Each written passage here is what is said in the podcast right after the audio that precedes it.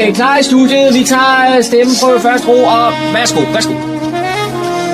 Du lytter til din egen radiomodtager. Fremragende, den er købt. Vi tager den, den her. Okay.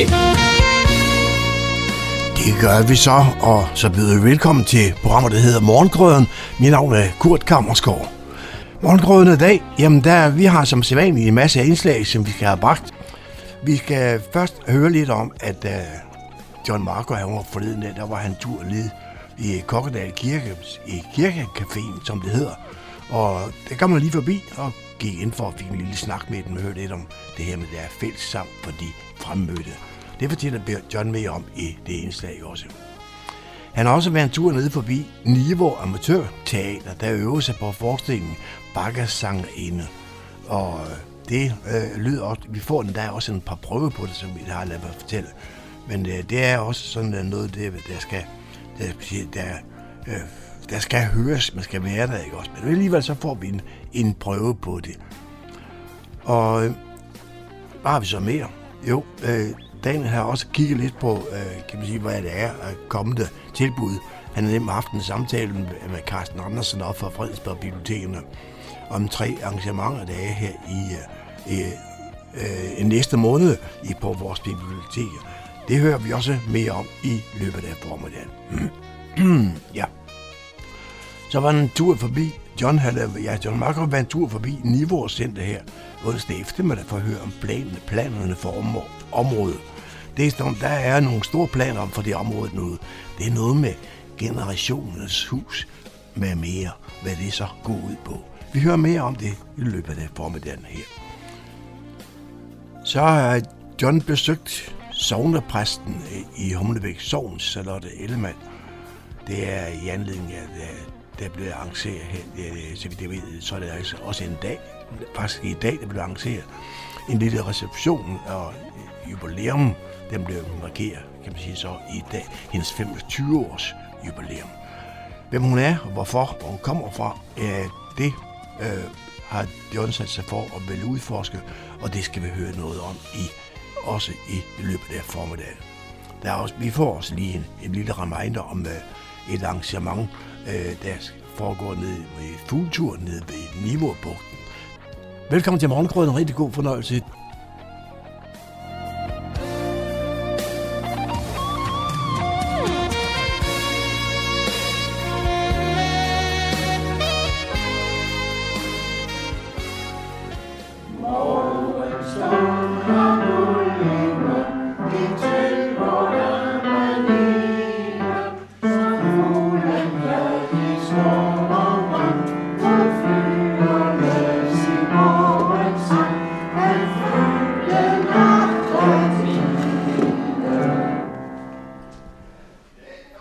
Er taget til Kokkedal Kirke, der ligger i Hørsholm Sogn.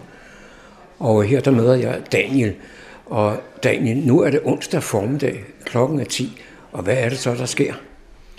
Jamen, onsdag klokken 10, øh, hele året rundt, der er der kirkecafé i Kokkedal Kirke, hvor alle kan deltage, hvis de ønsker at komme og drikke en kop kaffe og, og snakke, men også synge sang. Øh, der bliver sunget sang efter højskolesangbogen. Så det er mellem klokken 10 og klokken 11. Og øh, ja, man, man kan bare komme. Man kan komme klokken 10, hvor det starter, men man kan også bare komme drøstende, hvis man har lyst til det. Umiddelbart så ser det ud som om, at de personer, der møder op her i dag, de kender hinanden rigtig godt. Jamen, der er jo en hård kerne, som har været med i ja, efterhånden rigtig mange år. Men, men der er også mange nye, der kommer til. Øhm, man kan se hver eneste år, at der kommer nye til. Så er der selvfølgelig nogen, der slipper, men øh, jeg synes, der er en... Øh, jeg synes, der er en, en Selvfølgelig er der det der faste kerne, det er måske det, man hører mest, når man, når man kommer ind første gang i rummet, men, øh, men, men, men, men det er et åbent arrangement, og der kommer nye folk til, og heldigvis er der også mange af de nye, der bliver ved med at komme, så, øh, så ja. Hvor mange plejer der at møde op sådan en, en onsdag formiddag? Oh, det, det er jo forskelligt, altså nu er langbordet derinde jo fyldt, og det, øh, og det plejer det også at være. Øh, nu er det efterårsferie nu, så der plejer vel at være en håndfuld mere. Så bliver vi nødt til at dække op øh, på nogle af de andre borde også. Men hvor mange er der plads til derinde? Der er vel plads til en, ja, sådan en 25. Øh, så der kommer vel ja, en 25 stykker generelt. Okay.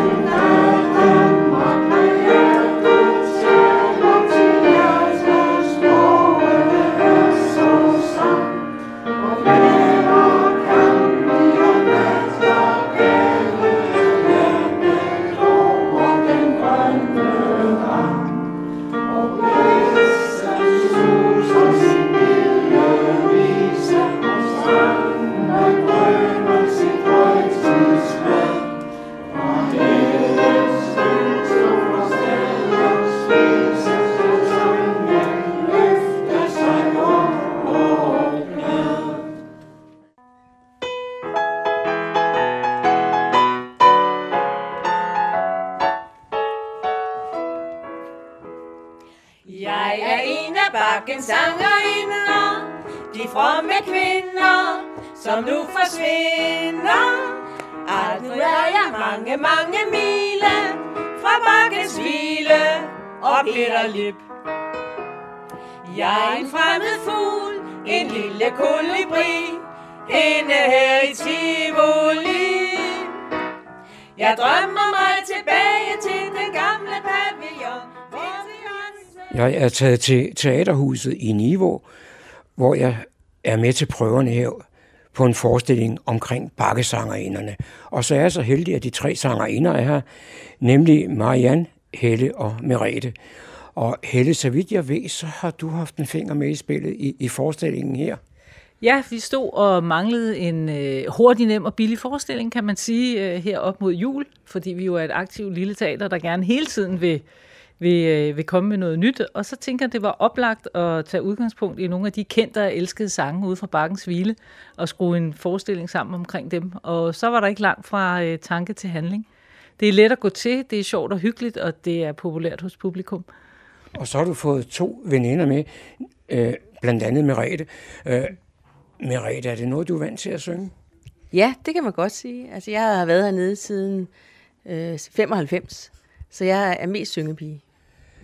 Jamen, du er vant til at synge denne type viser? Også det. Jeg har et arbejde, hvor jeg synger rigtig meget, så jo, det er lige mig, det her.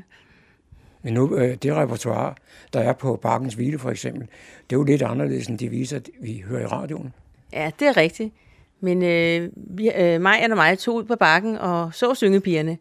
Og vi synes, der manglede nogle numre, som de ikke havde med, og det er nogle af dem, vi har taget med i den her. Og Marianne, hvad, hvad er det for nummer? Jamen, det er nogle af de øh, gode gamle. Vi var meget overraskede over sådan en som... Øh, hvad fanden er den hedder? Øh, den første er det øhm, 90'erne? Nej, nej. Øhm, jeg er en af Ja, jeg er en af bakkensangerinder. Ja. Den var der ikke. Den allermest ja, den allermest ikoniske. Og vi havde glædet os til at komme ud og skulle sidde og synge med. Men øh, ude på bakken, der har de lavet mange nye tekster. Og der blev Merete og jeg enige om, at vi vil meget gerne være med til at fremme og bevare de gamle sange, så publikum er velkommen til at synge med på det, som de kan hernede. Og det bliver de gode gamle. Sådan var det ikke i 90'erne. Øh, køb blomster, køb blomster, køb blomster øh, glemmer du, glemmer du ja. og alle dem der. Så det glæder vi os til, at det bliver en fest, nogle fest, to festlige dage. Jeg var lidt inde på sangene, e- eller viserne fra, fra Bakkens Hvile, øh, som I har været lidt inde på her også. Så er det jo øh, viser med en vis tradition.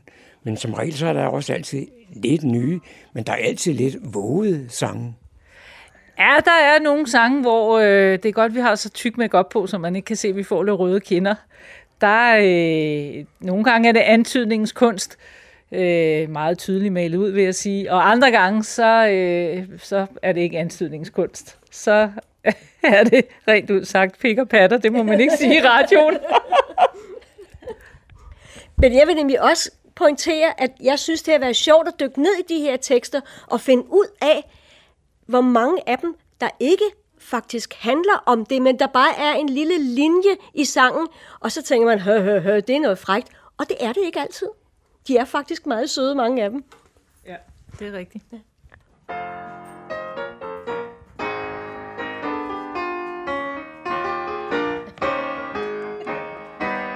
Moderne dages ungdom er fyldt med pjank og fjas. Det burde være moderne nu at være gammeldags. Se nu de stakkels piger, som nu om stunder får ved brylluppet en ægte mand på 20 år. Det fik vi ikke i 90'erne. Vi måtte tage med tusalemserne. Skilles igen Nej tak, man var en lydig offer, nu ved man knapt, hvem der er gift med hvem og hvorfor. Sådan var det ikke i 90'erne. Vi vidste, hvis der var hvem vemserne. Men en enkelt gang skete det, vi sang på Tanadadum noget, som jeg kan huske de par gange, jeg har været på Bakkens Hvile, det er jo ikke kun de her lidt vågede viser, det er jo også øh, påklædning øh, eller mangel på samme. Uh, ja. Vi er meget forskellige, os tre, men vi er alle sammen bakke, bakkes hviletøj på. Og vi har øh, hoftebånd, så folk er jo meget velkommen til at kaste sædler. Helst sædler, det gør så ondt med alle de småpenge. Så vi er helt friske. Vi er meget friske til det. Er det så også med netstrømper det hele? Også næststrømper og høje hældesko, og det hele er der. Og nedringet til navlen. Og opslidse til navlen. Ja, er så klar. Vi skal måske også lige have med, at uh, I tre uh, sulfider, der, der nu skal lave den her forestilling, det er, det er første gang, I laver sådan noget sammen. Jamen, det er det. Vi sidder lige og finder ud af, at os tre, vi har ikke været med i en forestilling på samme tid. Så det er jo også en udfordring og en øh, glæde. Og så i baggrunden nu, der kan vi jo så høre, der er lidt musik, og det vil sige, I kan jo ikke klare det her uden musik. Nej, vi er så heldige, at vi har fået vores øh, faste huspianist Thomas Hyberts til at komme og, og hjælpe til, og det er altid en fornøjelse. Både fordi han er så hamrende musikalsk, og fordi øh, det kører så godt imellem os. Vi har en virkelig god kemi, og han er meget støttende og er virkelig god til at følge med, når, når vi fester på scenen. Og så undrer det mig lidt, at uh, I nu laver en forestilling den 2. november og en forestilling den 3. november. Men jeg går ud fra, at forarbejdet til en forestilling, der var to dage, er lige så stort, som hvis den havde varet otte dage. Det kan man godt sige. Vi har øvet et par måneder, men vi har kun øvet derhjemme. Det er faktisk først nu, at det er ved at gå i luften, at vi prøver hernede. Så vi har hverken prøvet med, med tøj endnu, eller hele forestillingen, noget som helst. Så vi er lige så spændt som publikum, hvordan det bliver. Er det ikke meget at satse for at lave en forestilling, der kun var to dage? Altså, vi vil hellere lave to forestillinger, og så er de udsolgt, end at lave fem, og så sidder der 25 per, per gang. Ikke? Så det er simpelthen for at fylde huset og få en fantastisk stemning. Og sælge masser af bajer. Helle, for lidt siden, der var vi lidt inde på, at øh, du ligesom er initiativtager, men så vidt jeg har forstået, så har du ikke været helt alene om at få ideen. Nej, det, her, den, øh, det var faktisk på et bestyrelsesmøde hernede, at, at den opstod sammen med vores formand, øh, Tove von Jessen, som var med på den lige med det samme, og vi kunne godt se os selv i, i sådan en forestilling, men så øh, blev Tove ramt af noget øh, akut sygdom, og kunne ikke være med alligevel, men hun er ved at være frisk igen, det var ikke farligt, men det betød i hvert fald, at hun blev nødt til at forlade øh, forestillingen, men, men øh, idémæssigt og med at støve det hele sammen og stykke det sammen osv., det, det har været et par løb, ja. Hvis man nu har planer om at skulle ned og se forestillingen her i Teaterhuset, hvad kan man så gøre? Man kan tre ting. Man kan gå ind på vores hjemmeside, som hedder www.nivoteater.dk. Man kan skrive på niveauteater live.dk. Eller som det tredje, så kan man ringe på telefonnummer 27 12 28 13. Så kan man bestille billetter der. Moderne tiders sprogbrug, synes jeg er alt for stærkt. De nævner ord, som vi kun kan fra et plankeværk. Nu prøver selve skolen et hidtil ukendt felt. De stakkels man skal undervise seksuelt. Det blev vi ikke i 90'erne. Vi måtte have det på fornemmelserne. Men der bliver gjort så mange fremskridt, ja det gør der pigerne i dag. Går rundt i bukser uden skørter, det kunne man ikke i 90'erne. Folk måtte ikke se dem hemserne. Men bachelor tyld uld vasker pigen fuld af trotter på Bakkesangerinderne kan opleves i Niveau Amatørteater lørdag den 2. november og søndag den 3. november. Begge dage kl. 15. Solskin kan man altid finde, bare der er en, man holder af. Skål! Det var John Marco, der havde produceret dette indslag. Så skal vi have lidt øh, update på, hvad der foregår på de lokale biblioteker. For at snakke mere om det, der har jeg ringet op til øh, Carsten Andersen fra Fredensborg Bibliotekerne. Velkommen til, Carsten. Ja, tak skal du have. Her i øh, starten af november måned, der har I øh, nogle øh, spændende arrangementer og aktiviteter. Blandt andet noget, der hedder Digitale Nomader, som er på besøg på Humlebæk Bibliotek. Fortæl lidt om, hvornår det er og øh, hvad det går ud på. Øh, ja, det er et øh, par unge mennesker, øh, Mille og Christian Sjøgren, som øh, kalder sig digitale nomader, og øh, det betyder ikke, at de ikke er rigtige mennesker, det er de, men, øh, men de har i, øh, i flere år rejst rundt i verden øh, mens de stadigvæk har arbejdet, men så arbejder man bare øh, fra hvor man nu er i verden og via internettet. Øh, men det foregår den 5. november på Hummelbæk Bibliotek kl. 19, hvor de øh, kommer og holder et foredrag om, om det liv, de har ført, og, og hvad det har ført med sig, og hvad de har erfaret. Og de har været rundt i hele verden. Og det er ikke bare sådan storbyerne, de har, har besøgt, tænker jeg. Nej, de har været ude i, i Panamas jungle for eksempel, og slumkvarterer i Colombia, og i Sydkorea og flere andre steder, hvor de har øh, levet øh, ja, blandt, blandt de lokale og, og hjulpet. Øh, mm. Og samtidig med, at de har, ligesom har ført et, et, arbejdsliv øh, på nettet også. Ja, og det er en øh, lokal familie, kan jeg forstå. Ja, de øh, bor i dag i, hum, i Hummelbæk, mm. så der er måske nogen, som, som kender dem. Ja. Og øh, vi fik fortalt det på Humlebæk Bibliotek lidt nærmere. Øh, kan vi vel komme det omkring øh, tidspunkt? Fik Ja. vi det med? Øh, det, jeg, jeg tror nok, jeg sagde det 5. november kl. 19 på Hummelbæk Bibliotek. Ja. I vil godt have, at man lige tilmelder sig i forvejen. Ja, det øh, vil være godt, og det, det koster 50 kroner, og øh, så øh, køber man bare nogle billetter på vores hjemmeside. Mm. Og de har også udgivet en bog, kan jeg forstå. Ja, det har de, hvor de også øh, taler om, om nogle af de ting, som, som de vil snakke om til, til foredraget. Øh, så øh, så det, det er noget, som har betydet meget for dem, og som er en rigtig spændende historie. Så det kan jeg kun opfordre til, at man kommer og overværer. Og så tænker jeg, at man har mulighed for at låne bogen på biblioteket. Ja, det er der i hvert fald en, der har. Vi har jo ikke så mange eksemplarer, men øh, Man kan stille sig op så i kan kø. man reservere den, ja. Den 7. november har Fredensborg Bibliotekerne deres næste arrangement i den her øh, serie, de kalder for samtalesalonger. Carsten Andersen, øh, hvad er temaet næste gang, der er samtalesalon? Øh, der skal øh, vi tale om vaner. Øh, de her samtalesalonger, de har ligesom et meget øh, overordnet bredt tema, og, øh, og denne gang er det altså vaner. Gode og dårlige vaner, og, og øh, vaner, man har arvet, og vaner, man giver videre, og, og det kan være alt mellem himmel og jord, stort og småt. Bider negle og piller bussemænder? Ja, ja.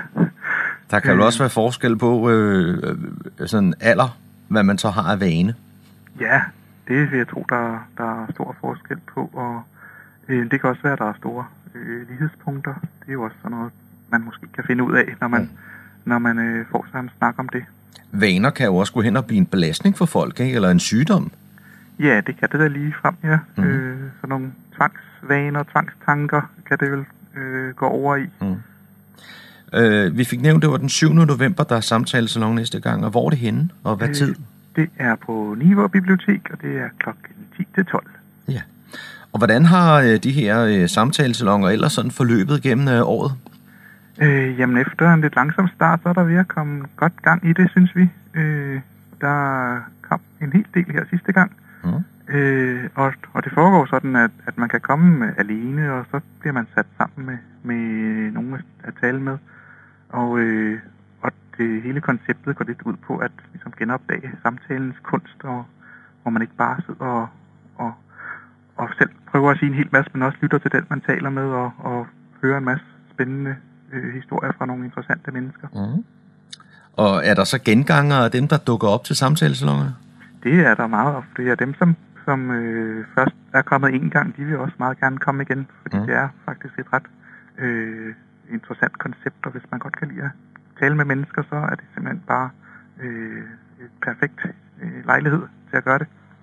Og så har I et arrangement mere i den her samtalesalon Ja. inden årets udgang. Ja, det bliver den 5. december, øh, også på Niveau Bibliotek, og der er det sådan, at, at dem, som er med til, til samtalesang i, i november, de kan være med til at beslutte, hvad emnet eller temaet skal være i december.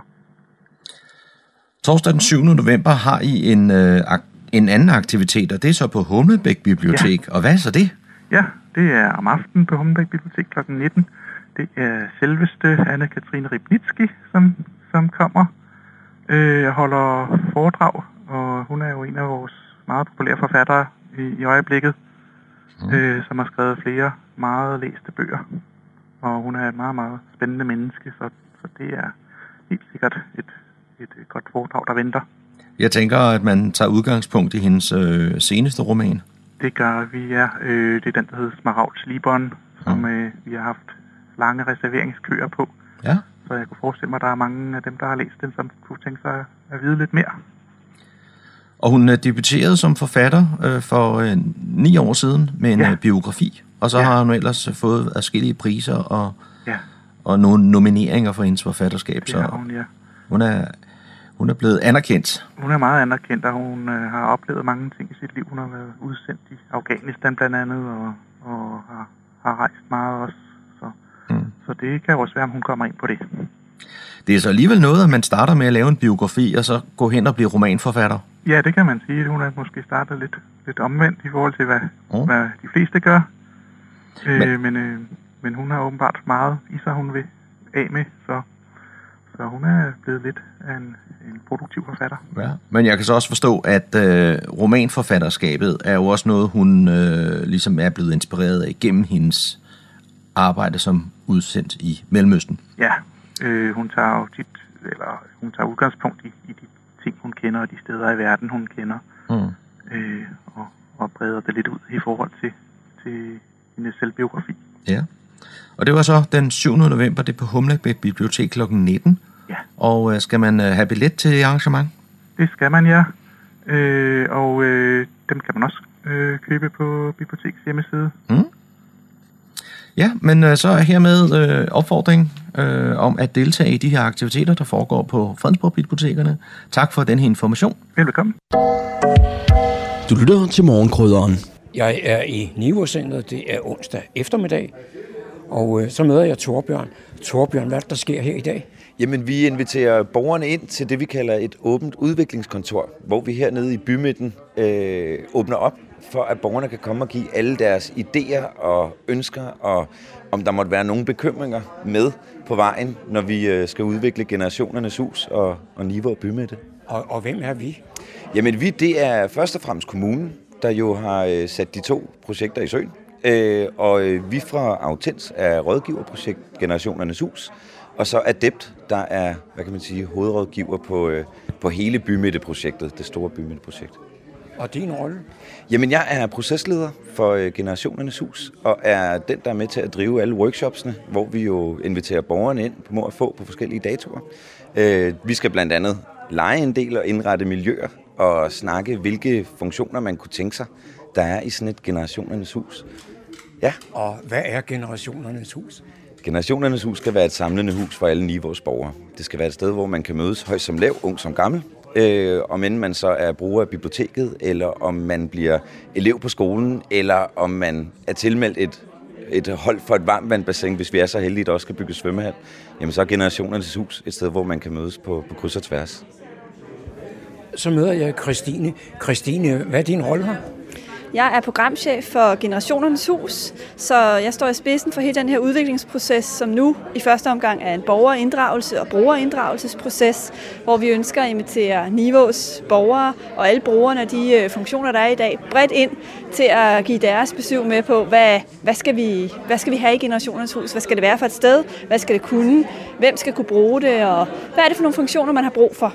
Men øh, nu er det generationernes hus, det er jo kun en lille del af det. Vi står her i centret. Hvad skal der ske med centret? Ja, det er rigtig spændende. Det ved øh, de er rigtig meget omkring dem, der står med bymidteprojektet, som, som øh, primært står med det, man kan sige.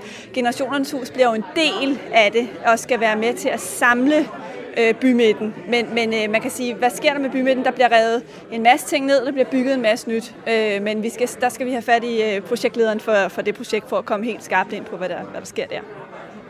Så står jeg sammen med, med Svend Vestergaard. Og Svend, hvad er din funktion her i centret? Min, min funktion det er, det er både i centret, men også i det nivåske bysamfund. Ligesom på kryds og tværs at være en opsøgende socialrådgiver og gadeplansmedarbejder. Og så er jeg øvet, og ikke mindst, vært for Færeklubben øh, og, og, hver onsdag aften. Færeklubben består af forskellige etniske mindretalsforældre, primært øh, araber og, og, og kurder og tyrkere. Og det, vi har det der åbent forum hver onsdag aften, og der, og det, der er jeg vært for det. Og der har vi et emne på sådan hver, hver en gang om måneden, og så, og så kan man så sige, hvad laver jeg så ude omkring og i centret? Jeg prøver ligesom at se, hvad der sker. Og hvis der er noget, jeg ser, det skal måske lige ændres lidt på. Det kan være en ung, der nærmer sig lidt i forhold til nogen, han måske ikke nærme, skal nærme sig så meget til. Så kan man så sige, så kan jeg finde ud af, hvem er det så? Gå hen og snakke med ham, eller sørge for, at, øh, at han er i gang med noget uddannelse. Hvordan går det med skolen og sådan ting. Men, men nu i dag, der har du stukket næsen ind her for at, at se på det her arrangement. Ja, det er fordi, at, at det her arrangement er jo vanvittigt vigtigt. For det første, vigtigt siger jeg, vanvittigt vigtigt, fordi det vigtigste, sådan, sådan et arrangement som det her, det handler om det fremtidens øh, niveau. Og det er alle interesseret i. Også dem, jeg arbejder med. De er meget, meget interesseret i, hvordan man kan, hvordan man kan få det her center til at fungere bedre. Og det, det kan blive flere tilbud, det kan blive flere butikker, det kan blive øh, forskellige andre ting. Nogle snakker også om svømmehal, der kommer en ny skole og sådan ting. Men primært det der at få, at få center til at fungere bedre med flere butikker og forskellige aktiviteter. Også kombinationen af boliger og butikker. Så træffer jeg Jane Risk her fra Fredensborg Kommune. Og Jane, øh, er du tovholder på det her, eller hvordan er det?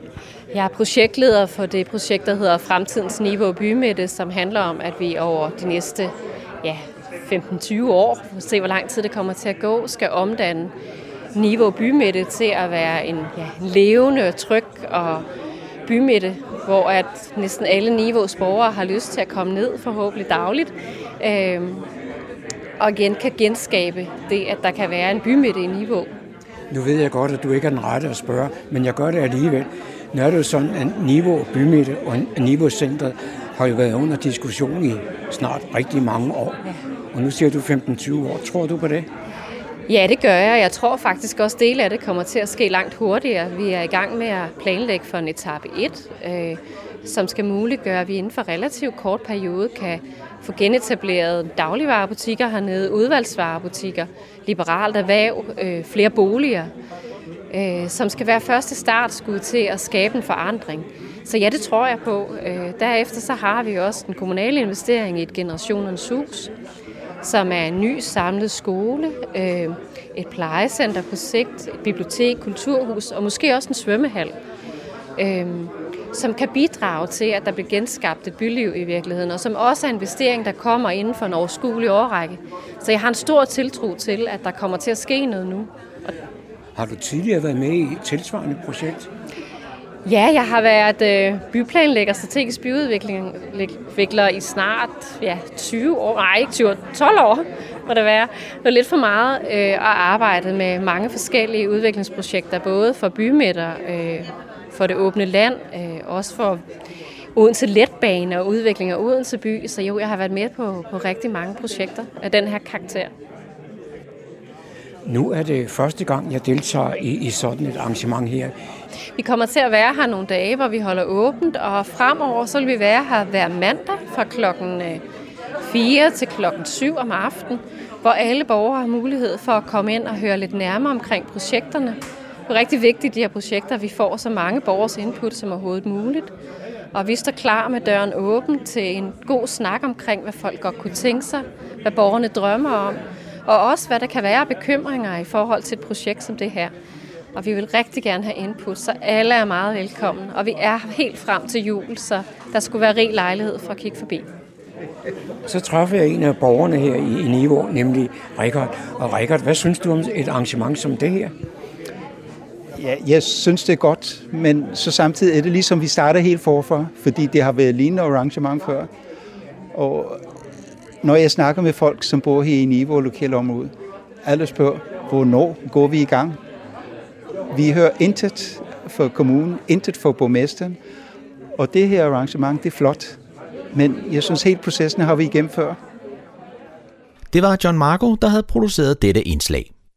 Torsdag den 31. oktober har Fugleværnsfonden en formiddagstur ved Niveau Bugt Strandinge. Det er nu næstsidste fugletur, som Fugleværnsfonden afholder i år i Niveau Bugt Strandinge. Men der er stadig mange, især restende fugle, at se på dette tidspunkt. Kom med Fugleværnsfondens naturvejleder, når vi følger årets gang med Niveau og lytter til sang og kald fra de fugle, som lever i Niveaus varierede natur. Turen er for alle, som ønsker at lære lidt mere om vores hjemlige fugle og det spændende dyre- og planteliv, som Niveau også byder på. Og det er som sagt torsdag den 31. oktober fra kl. 10 til 13, og man mødes på Niveau togstation. Turleder er naturvejleder Allan Gydio Nielsen. Det her er Fredensborg Lokalradio, Radio Humleborg på FM 104,3 MHz. Klik også ind på vores hjemmeside, www.humleborg.dk og følg med i, hvad der sker lokalt i Fredensborg og omegn. Jeg er taget til nederste Torbenvej i Humlebæk, og her der er jeg gået ind for at besøge sovnepræst Charlotte Ellermann. Charlotte, øh, hvor i verden kommer du egentlig fra? Øh, jeg er født i, i noget, der hedder Dronningborg, som ligger lige uden for Randers. Og det vil nogen kende, fordi det var der, man lavede majtasker. Og faktisk så boede jeg i et, sådan et øh, parcelhuskvarter lige over for den der mark, hvor de der majtasker stod opmarcheret en del af året. Øh, og der boede jeg så øh, hele min folkeskoletid og tog studentereksamen på Randers Statsskole og øh, flyttede så til Aarhus for at læse teologi i Aarhus. Og øh, altså mens jeg så var der, så traf jeg min nuværende mand, Henrik, og han læste øh, statskundskab. Og for alle dem, der har læst statskundskab og gerne vil være embedsmænd, så er det jo en drøm at arbejde i ministerium. Så på et tidspunkt så fik han job i Udenrigsministeriet, og så flyttede jeg med til København. Øh, og der var jeg ikke helt færdig endnu, men så tog jeg pastoralseminaret i København.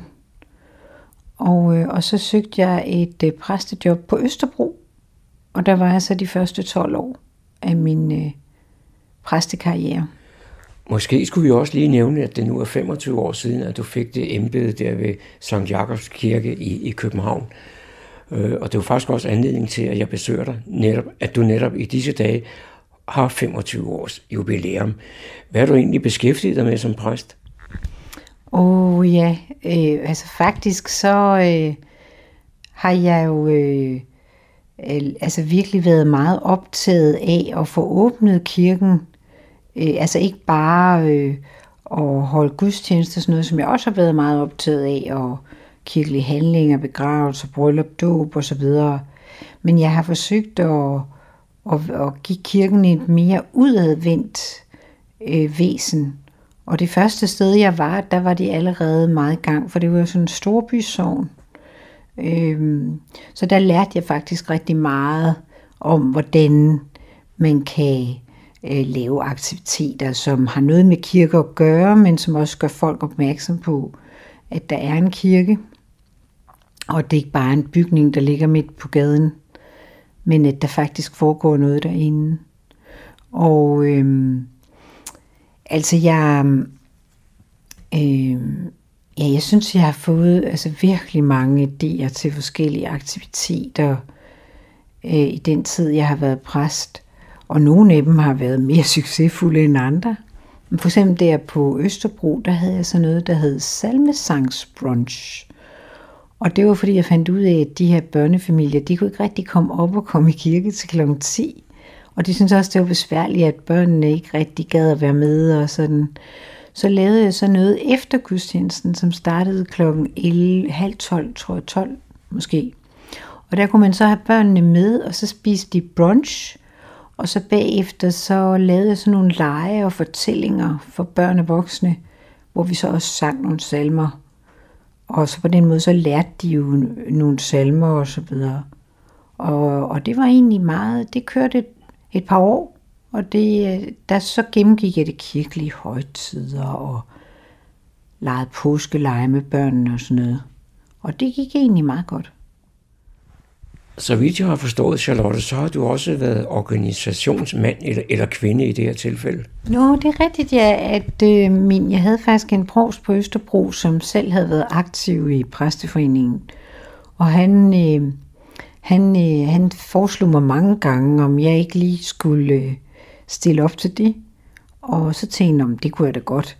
Og så blev jeg valgt ind i hovedbestyrelsen. Øh, jeg tror endda den første gang, jeg stillede op – Øh, Og, øh, og så blev jeg også valgt som øh, næstformand ret hurtigt.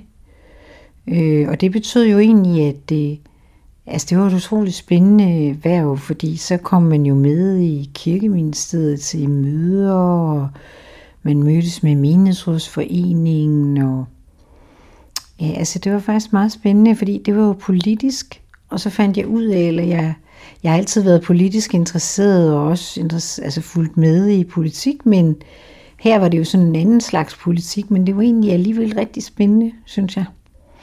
Men da jeg så kom herop til Humlebæk, øh, så blev det simpelthen for meget.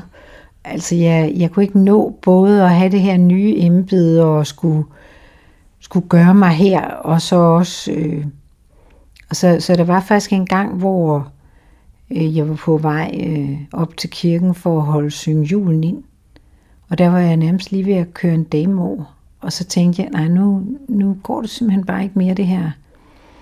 Og så tænkte jeg mig rigtig godt om, og så sagde jeg til mig selv, nu var der jo nogen, der havde stemt på mig. Men der var cirka et år tilbage af den tid. Øh, så løb det der øh, mandat ud. Og så besluttede jeg mig for, at jeg ville stoppe, når mandatet løb ud. Og, øh, og det gjorde jeg. Og så tænkte jeg, at jeg kunne altid komme tilbage. Men jeg har egentlig aldrig kommet tilbage, fordi man skal ikke tage tilbage til noget, man ikke engang har forladt. Men øh, fra 2008 har du været sovnepræst her i, i Humlebæk. Hvordan er den tid gået? Jamen, den synes jeg er gået godt. Altså faktisk så, øh, da jeg allerede, da jeg så, at øh, den for, min forgænger Else Nygaard gik på pension, så opstod tanken i mig om, at øh, det kunne være, at jeg skulle prøve at søge det embede. Øh, også for at prøve noget andet. Og øh, øh, min mand han var også lidt interesseret i, at vores børn skulle vokse op uden for København på det tidspunkt.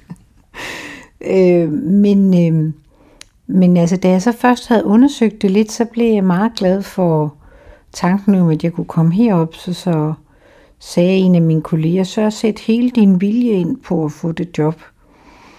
Og jeg var meget glad for at få det. Og jeg har været meget glad for at være i Humlebæk. Jeg synes, det har været... Alle årene har jeg været glad. Og det har været fantastisk. Øh, det er et godt sted at være præst.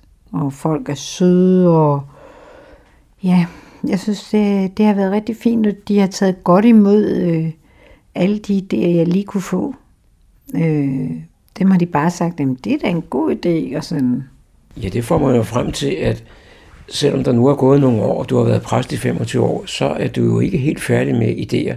Jeg ved, at din kollega Hans Henrik Ross og dig, I ligger ikke helt stille. Nej, nej, det gør vi ikke. Og, øh, men tænker du på eksistenssamtalerne? Eller? Ja. ja. Og øh, det, det var noget, vi udviklede, eller det var især ham, som øh, gerne ville have sådan nogle samtaler, og så, øh, så havde vi en studiekreds sammen. Og da han så øh, øh, lavede de, øh, så meldte alle dem fra studiekredsen sig til det. Og så var der ligesom ikke rigtig nogen tilbage til at gå i min eksistenssamtale. Men så tænkte jeg, at jeg venter bare. Og så har jeg nu min egen kreds af, der, der går til eksistenssamtaler. Men øh, nej, men vi har også øh, vi har jo minikonfirmander sammen. Det er noget, vi, altså, som blev lovpligtigt der, efter jeg var kommet. Øh, og det, det har vi om fredagen, fordi det er den eneste ledige dag i ugen. men, øh, men det fungerer godt, og, og de, de er meget søde. Og, øh, og så laver vi sådan en overnatning i kirken, og det er det helt store hit øh, til sidst. Øh, og de, øh, men altså det er, det er hårdt for sådan to halvgamle præster at have sådan en aldersgruppe, fordi det er jo, de har jo susende meget energi. Men altså, de er søde, det er de. Der må også være en, en, en rigtig stor forskel på at være sovnepræst i, i, i sovn i København, og så være det her øh, ude på landet, som jeg kan kalde det. Øh, her i byen, der kender alle mennesker der vel? Ja, jeg ved ikke, om det er alle. Alle kender Hans Henrik, fordi han har jo været her i rigtig mange år. Men jeg vil også sige, at der, der er selvfølgelig mere personlig øh, kendskab og forbindelse. Og øh, altså også når man skal lave noget, så, så kan man ringe til en lokal og sige, jeg ved, at du øh, har prøvet det her, og kan vi øh, lave et samarbejde og, og sådan noget. Det synes jeg, det er en kæmpe fordel. Altså inde på Østerbro, der lå kirkerne jo også meget tæt. Så øh, altså de foredrag, vi lavede, det, dem kunne vi se, de blev så også nogle gange lavet nogle andre steder, før vi måske nåede at lave dem. Og sådan, og sådan var det jo hele vejen igennem. Øh, der er det jo lidt anderledes her, der er lidt længere mellem kirkerne. Og specielt jo fordi vi ligger sådan lidt på grænsen til, øh, til øh, Helsingør. Øh, så der, der, der er det, det, det er nogle andre, det er, andet, altså det er nogle andre, øh, vi er adskilt, som vi hører sammen med Fredensborg Prosti, og det er sydpå. Så vi, vi ligger her mod nord. Så vi, vi, vi, vi, vi har faktisk ikke så meget med, med præsterne at gøre, som er i Bæksvang og Mørdrup, selvom vi er naboer. Men nu har jeg faktisk været på kursus med præsten fra Mørdrup her for nylig. Og der aftalte vi, at vi skulle forsøge at lave en sommerhøjskole sammen med Korup. Øh, og det bliver så først i 21, fordi de har jo allerede planlagt deres program. Men altså, jeg håber, at det kan blive til noget. Øh, vi ved det ikke endnu. Vi har ikke talt med Krogerup sådan så indgående. Så nu må vi se. Nu er der jo også det lidt specielle ved Humlebæk Sogn, at der er en kirke, og så er der et kapel. Men øh, jeg går ud fra som givet, at kapellet her, det bare er en kirke, der ligger lidt fra den anden kirke. Jamen, det er det faktisk også, men, men der er ikke ret, altså der er faktisk mange, som ikke oplever det som en kirke. Altså kapel betyder egentlig lille kirke. Men øh, mange oplever det øh, for eksempel lidt grænseoverskridende, mens vi har holdt lukket her for at få sat overledet i stand og lydanlægget i stand. Så har vi haft lukket øh, en måned eller lidt mere end en måned. Og der var jo nogle barnedåb der, øh, og de var altså meget kede af det, at det ikke kunne øh, være nede i kirken. Men øh, jeg tror egentlig, at da de så først fik børnene døbt der, altså, så synes de jo egentlig, at det var meget fint. Fordi den er jo på mange måder sådan mere moderne, og også, øh, altså man sidder, længe, man sidder tættere sammen. Så man oplever på en måde gudstjenesten, synes jeg, lidt mere intenst, øh, når man sidder der i, det lille rum der. Og så er den også, øh, der er en fantastisk akustik. Øh, ja, så jeg synes faktisk, at det er et godt rum, og vi har også tit diskuteret, hvad vi skal gøre for at bruge det noget mere. Nu laver vi sådan nogle stille gudstjenester. Og de foregår faktisk altid i det der rum, fordi det er godt til det. Du bor her lige ved siden af, af Torben Kapel, og udenfor der er der jo en masse god natur, og blandt andet en, en ret bred allé. Og en gang om året, der har I jo et arrangement her, som hedder Byens Dag. Ja, Øh, faktisk så var det en gang, hvor jeg stod og talte med gardnerne fra kirkegården, som var ved at rive den. Og så så jeg pludselig, øh, mens jeg står og kigger på den der allé, at alle de der små øh, firkanter mellem træerne, at de kunne være sådan nogle øh, stadepladser. Og, øh, og så fik jeg den idé, at man kunne lave en, en årligt tilbagevendende markedsdag, hvor folk kunne komme og at sælge det, de nu ville, eller øh, lave loppemarked, eller der er også foreninger, der reklamerer for deres øh, forening med forskellige ting. Og, øh, og det har har været der en del år efterhånden, og det, det er egentlig rimelig altså, succesfuldt. Og øh, hvis vejret ellers arter sig, øh, så er det jo et dejligt, øh, et dejligt, altså en dejlig dag øh, for, for hele byen. Og øh, så er der mange, der har sagt, jamen, hvorfor holder I det samme dag, som Fredensborg har deres dag? Og, øh, og det har vi øh, gjort, fordi at det, det er svært at være inde i august, fordi der er folk på ferie. Og den første weekend i september, der holder Langebjerg skolen deres fødselsdag, og, og der er øh, marked på Krogerup. Så der er kun den der weekend tilbage, før det bliver for sent på året. Og vi har også oplevet, at det ikke er de samme, tror jeg, der kommer til det i Fredensborg, som dem, der kommer hos os. Men vi laver også nogle forskellige tiltag for at få også få nogle andre til at komme. Så vi har, vi har jo sådan kor hvert år, der optræder, og et børneorkester fra Helsingør Musikskole og så videre. Øh, sådan et forsøg på at, at få nogen i tale, øh, som, øh, som vil være med i det her. Og i, i år var der jo som nyt øh, Middelalderforeningen var med øh, med et lille mini-middelaldermarked. Øh, og det, øh, det synes jeg også var rigtig sjovt. Og det tror jeg også, der er mange andre, der synes. Så det håber vi, de gerne vil blive ved med. Og så var der jo også et lidt større ensemble fra, fra Helsingør. Ja, det er rigtigt, at, øh, at det, var den, det var faktisk en øh, i øh, menighedsrådet, som blev ved med at sige, at, at, at hun syntes altså, at Helsingør Pigegarde, de skulle komme med.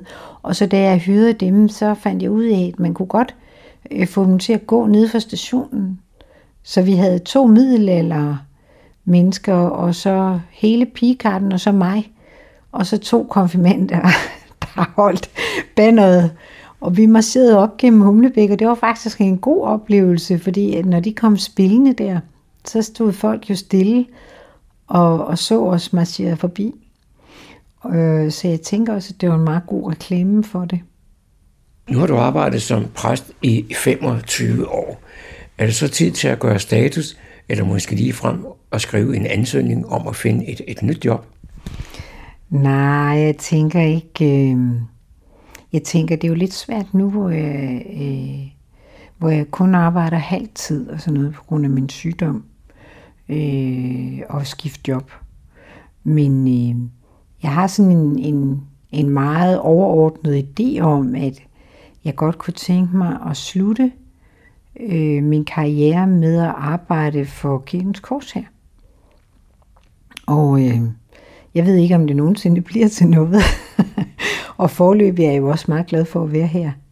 Øh, men, øh, men jeg synes, at der er noget... Øh, det vil være en... Øh, jeg tror, det vil være en god udfordring for mig at, og, øh, at skulle øh, være præst for, for mennesker, som øh, har det så svært. Øh, og som jeg, jeg har sådan en eller anden forkærlighed for, øh, synes jeg, øh, i, min, i min indgang til det. Men øh, ja, det, det er sådan, hvad jeg har tænkt. Meget overordnet. Men øh, altså, jeg er ikke lige ved at pakke sammen øh, i det her job.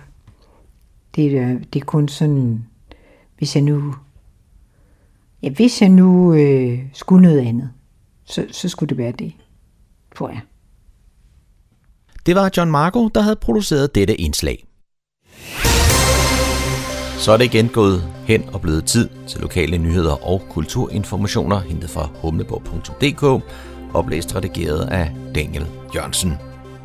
Det aktive lille lokale teater i Kalvehaven i Niveau har atter kastet sig ud i nye ambitioner, og her til november gælder det en forestilling med de kendte og elskede sange fra Bakkens Hvile. Fire af teaterets erfarne kræfter, Merete Hoppe, Marian Løssekrog Larsen, Helle Riksen og Tove von Jessen har skruet en forestilling sammen med udgangspunkt i et udvalg af søde, sjove og frække viser fra den legendariske syngepige-pavillon på Dyrehavsparken. Og de optræder i flotte og festlige kostymer, som giver den triste og grå november kamp til stregen. Instruktionen er lagt i hænderne på Tove von Jessen. Med ikoniske sange som Køb blomster, jeg er en af bakkens sangerinder, Glemmer du, Solitudevej og mange flere, er der lagt op til en festlig syng med aften, hvor stolerækkerne er byttet ud med små hyggelige cafébord, hvor man kan nyde en øl, et glas vin eller en kop kaffe undervejs. Forestillingen, som varer lidt over en time uden pause, spiller lørdag og søndag den 2. og 3. november kl. 15. Billetter bestilles på telefon 2712 28 13, og man kan se mere på niveauteater.dk. Børn, voksne og ældre behøver ikke at være bekymrede for radonstråling i Fredensborg Kommunes bygninger. Enkelte steder skal der luftes ud tre gange om dagen, men ellers er alt ok. Det viser en ny måling foretaget for Fredensborg Kommune. Kommunen har målt forekomster af radon i alle de bygninger, hvor borgere og medarbejdere opholder sig i mange timer ad gangen, det vil sige skoler, dagtilbud, plejecentre med videre. Resultatet er godt. 97 af 107 bygninger. Her er mængden af radon klart under grænseværdien. I de 10 øvrige bygninger ligger niveauet lidt over, men ikke højere, end problemet kan klares med daglig udluftning. Tirsdag den 5. november kan man opleve et par ægte digitale nomader fortælle om deres omvandrende tilværelse i verdenen. Mille og Christian Sjøgren er mennesker af kød og blod, men de er også digitale nomader. Sammen med deres børn har de rejst verden rundt og samtidig passet deres arbejde og skole online. Dette kan man høre om ved et foredrag den 5. november kl. 19 på Humlebæk Bibliotek. Familien Sjøgren, som i dag bor i Humlebæk, har gennem de sidste syv år rejst med autocamper gennem USA, boet hos indianere dybt inde i Panamas jungle, lavet hjælpearbejde i slumkvarterer i Colombia, boet i papirshuse i Sydkorea og meget mere. Undervejs udnyttede de mulighederne for at arbejde digitalt via internettet. På den måde kunne de kombinere karriere med familieliv og deres passion for at opleve verdenen. Det koster 50 kroner at overvære foredraget, og billetter købes via bibliotekets hjemmeside. Her der kan man samtidig reservere bogen Digitale Nomader, et liv med mere eventyr og mindre hverdag, som Sjøgren parret udgav i foråret 2019. Det var, hvad vi havde fundet frem af nyheder og kulturinformationer for denne gang, oplæst redigeret fra humleborg.dk af Daniel Jørgensen.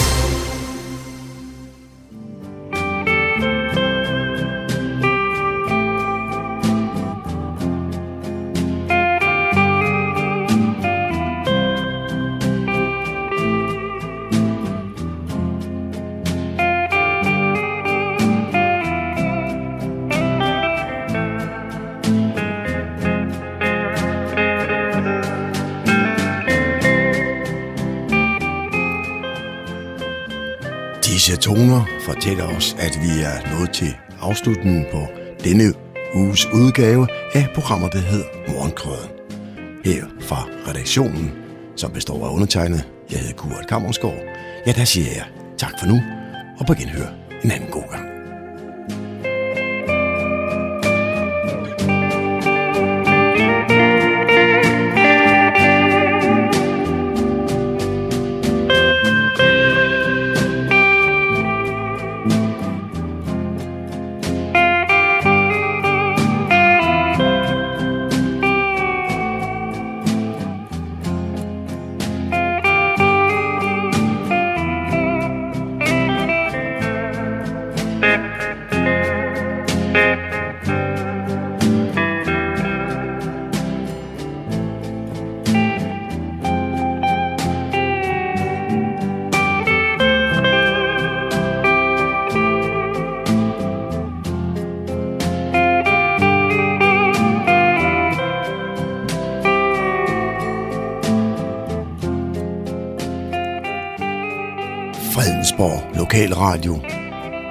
Radio Humleborg,